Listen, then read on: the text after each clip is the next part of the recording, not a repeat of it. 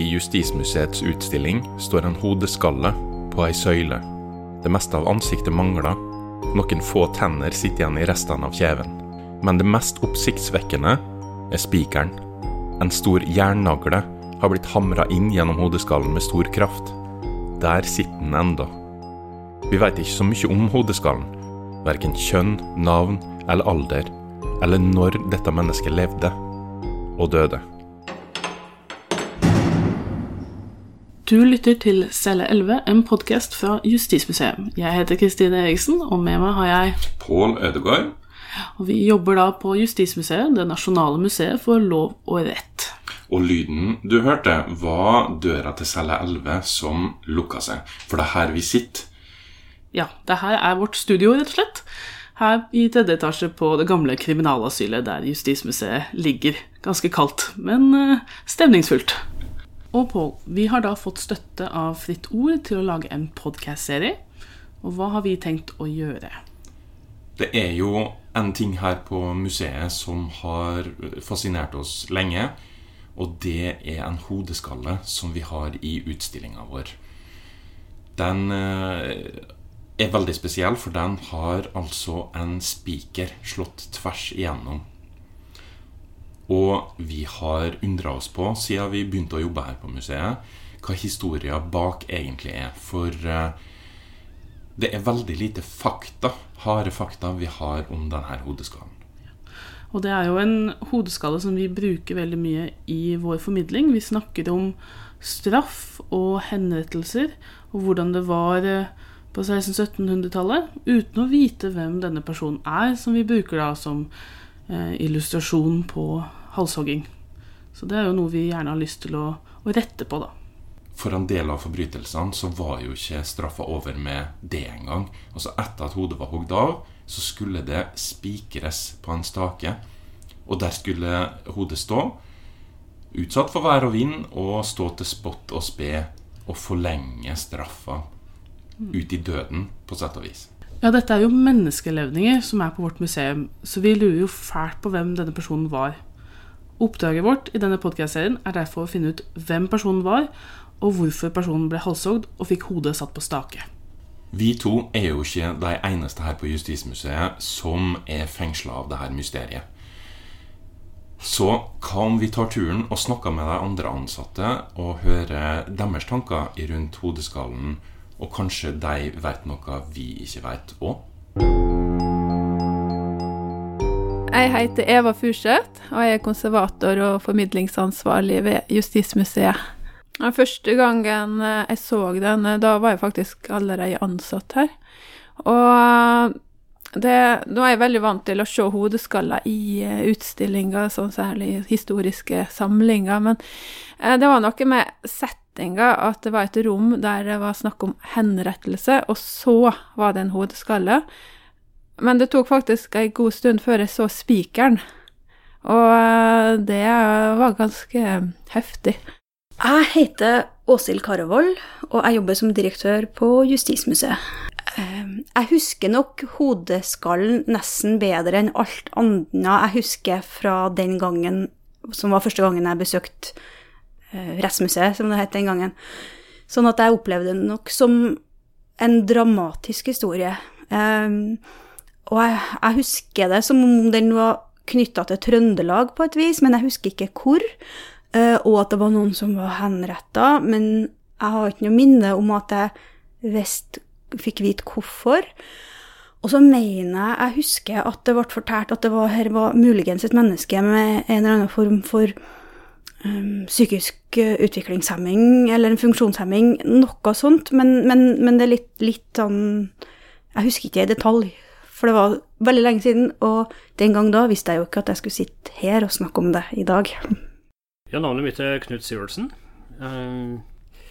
Jeg har 35 års fartstid i politiet. Og fra 1986 til Norsk Rettsmuseum tok over i 2001 og 2002, så hadde jeg ansvar for det som het Trondheim politimuseum. Som ble etablert i det bygget vi sitter nå. Nei, eh, vi fikk det på utlån fra Vitenskapsmuseet sånn rundt 1996, tenker jeg. 1997 der omkring. Ikke så veldig lenge før vi åpna. Eh, etter en dialog med dem eh, så fant de ut at det var en fornuftig eh, bruk av gjenstandene, at det, ble, at det gikk på utlån hit. Så vi, vi satte opp en utstilling jeg kan tenke meg det var sånn rundt 1996. Og det, det besto jo av de, av de hva skal vi si, gapestokkene i litt sånn forskjellige variasjoner. Noe skarprettersverd, skarpretterøkse, noe tenger og noe brennejern osv. Og så den hodeskallen. Når den kom i hus her, eh, da var den, eh, da var den eh, preparert fra Vitenskapsmuseet, slik som den står nå. Den er festa an på en, en sånn pleksiglassstav, nærmest. Ganske, ganske forseggjort. Slik at det var egentlig bare for oss å prøve å få, få satt den inn i et tablå, lage en, hva skal vi si, et sånn, et sånn podium for den. Så den har jo alltid stått litt for seg sjøl. Jeg heter Hilde Olsø, jeg jobber på Justismuseet. Har eh, ansvar for samlinga, så tittelen min er samlingsforvalter. Men det jeg husker kanskje best, er jo det at det var liksom mye synsing, at man visste ikke så mye om den. Så det ble Jeg husker at det var sagt at, ja, at det var noen som hadde ment at det kanskje var en ungdom, eller at det var noen som hadde Downs syndrom, at man kunne se tegn på at det kanskje kunne være noe sånt. Altså, det var, men det var ingenting som var sånn sikkert. Og det gjorde jo kanskje at det var litt sånn ekstra mye sånn musikk eller spinning også knytta til akkurat den hodeskallen, da. Nei, jeg ville nok ha snakka med Vitenskapsmuseet først, da, i og med at de står som eier, og prøvd å finne ut om de har noe arkivmateriale på det funnet. Um, og så går det an å gå videre til arkivene, til Statsarkivet. Det er i hvert fall den veien jeg ville ha gått, da. Da er vi tilbake på celle 11 og har fått med oss eh, tankene som de ansatte har i rundt hodeskallen. Ja, og da ser vi jo hvor, eh, hvor, fascinert alle er av denne skallen. Og hvor sterkt den står i på en måte museets egen uh, fortelling, da. Og vi har jo fått med oss noen råd om eh, hvordan vi kan gå fram videre for å finne ut mer om det her. Jeg syns Hilde sitt råd var veldig godt. Eh, å gå til hodeskallens eier. Ja. Det er jo Vitenskapsmuseet, og de er jo rett ned gata, så vi kan jo bare stikke bort og spørre. Skal vi gjøre det? Det gjør vi. Okay.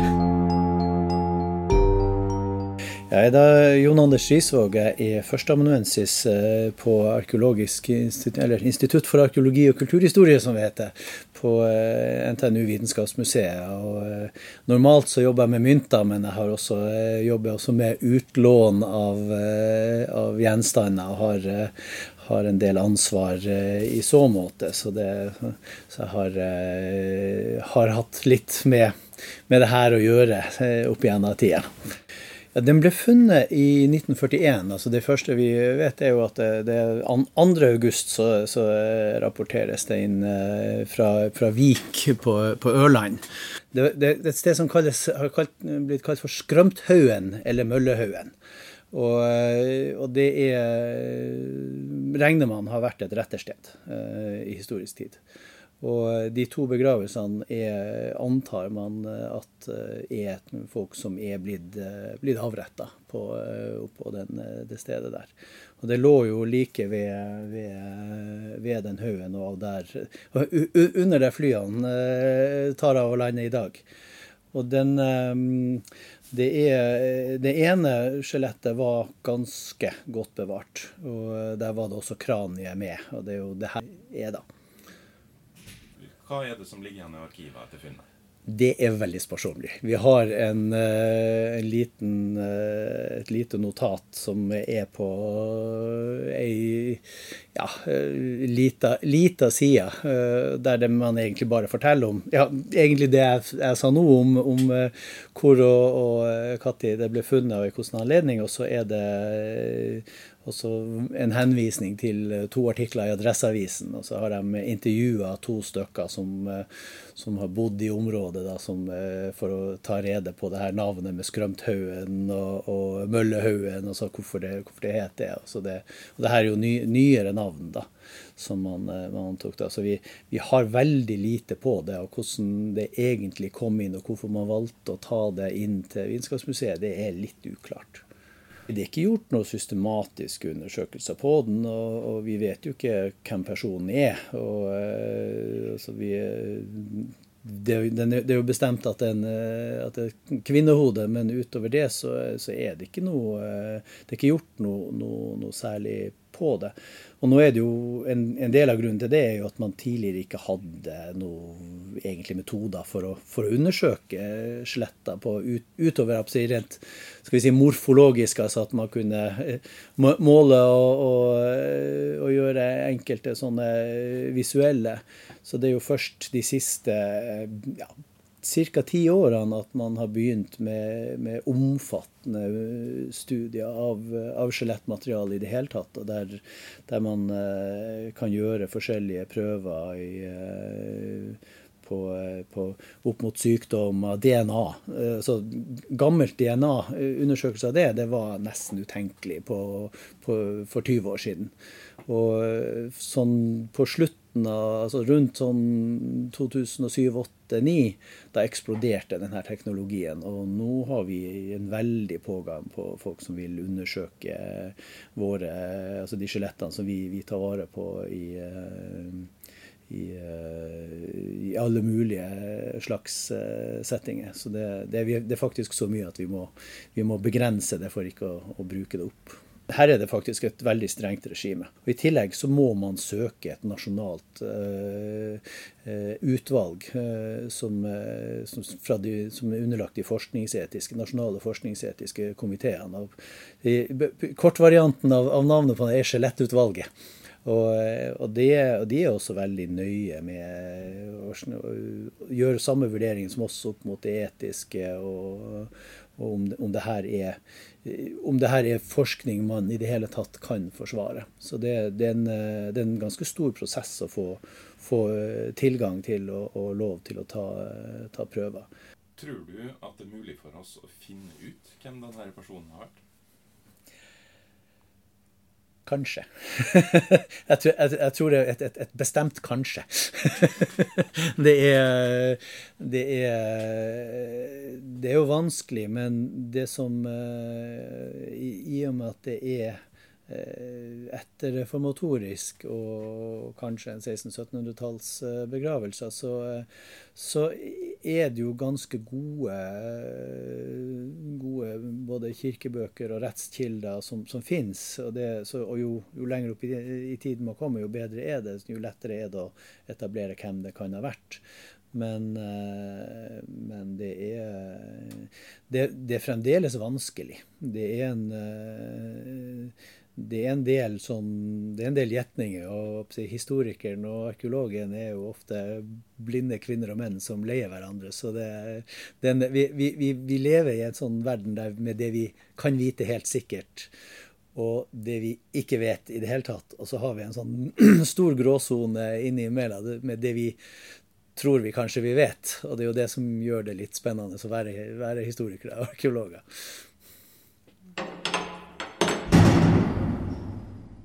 Ja, da er vi tilbake igjen på celle 11, og besøket vårt på Vitenskapsmuseet var jo både litt oppklarende, men også frustrerende. For det var såpass lite som hodeskallens eier hadde av faktisk informasjon om, eh, om skallen. Ja, men han ga også et ganske godt kanskje, da, på om vi greier å løse det her. Så jeg er kanskje mildt optimistisk. Ja, og jeg er også optimist, men jeg tenker det at uh, i arbeidet videre så trenger vi en metode. Ja, vi må jo på en måte være detektiver skikkelig for å finne personen. Men vi er jo ikke det. Vi er jo museumskonsulenter. Det er vi, men vi har jo en kollega her på huset som er opptrent i etterforskningsteknikker, nemlig Knut, som jo har vært politimann i 35 år skal vi høre om han har noen gode råd til oss eh, hvordan vi skal gå fram? God idé. Man kan si det litt enkelt. Man starter med sin egen telefon. Eh, og begynner å finne ut hva kan jeg finne ut på telefon, hva kan jeg finne ut på nettet. Hvilke personer kan jeg kontakte? Har vi kontakter på, på innenfor Arkivverket? Eh, er det adgang til å få se på det? Eh, har vi eventuelt har dem kanskje noen kontakter i Danmark? Danmark er jo nærliggende å tro kan ha noe. Eh, fordi at slike, slike dommer skulle jo stadfestes av sentrale myndigheter, som den gang var i København, hvis vi går tilbake før 1814. Så mm, man må bare begynne å nøste en plass. Uh, og så vil du antagelig finne ut at du kommer opp med en hel masse løse ender. Og så gjelder det også å finne den som er den riktige. Og har du, er du standhaftig nok, så lykkes du. Jeg tror vi skal klare oss å finne ut av den saken. S-regelen det var jo mm, noe vi lærte på Statens politiskole en gang i tida. Og den glemmer vi ikke. Og den heter S-regelen fordi at alle ordene starter på S. Og den går så her. Søke, samle, sikre spor som sannsynliggjør sakens sanne sammenheng, siktedes skyld så vel som skyldfrihet. Det er formålet med etterforskning.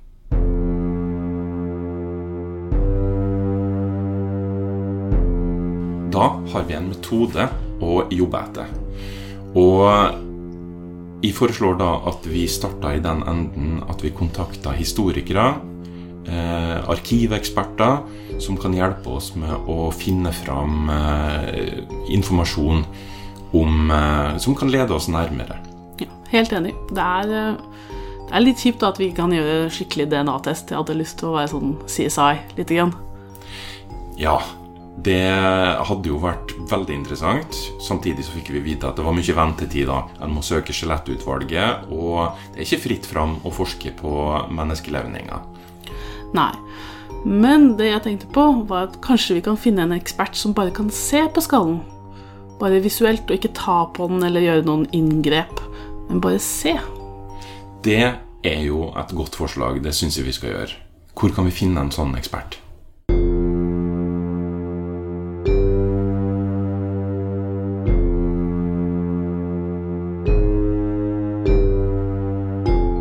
Celle 11 er produsert av Justismuseets Pål Ødegaard og Kristine Eriksen, med støtte ifra Fritt Ord.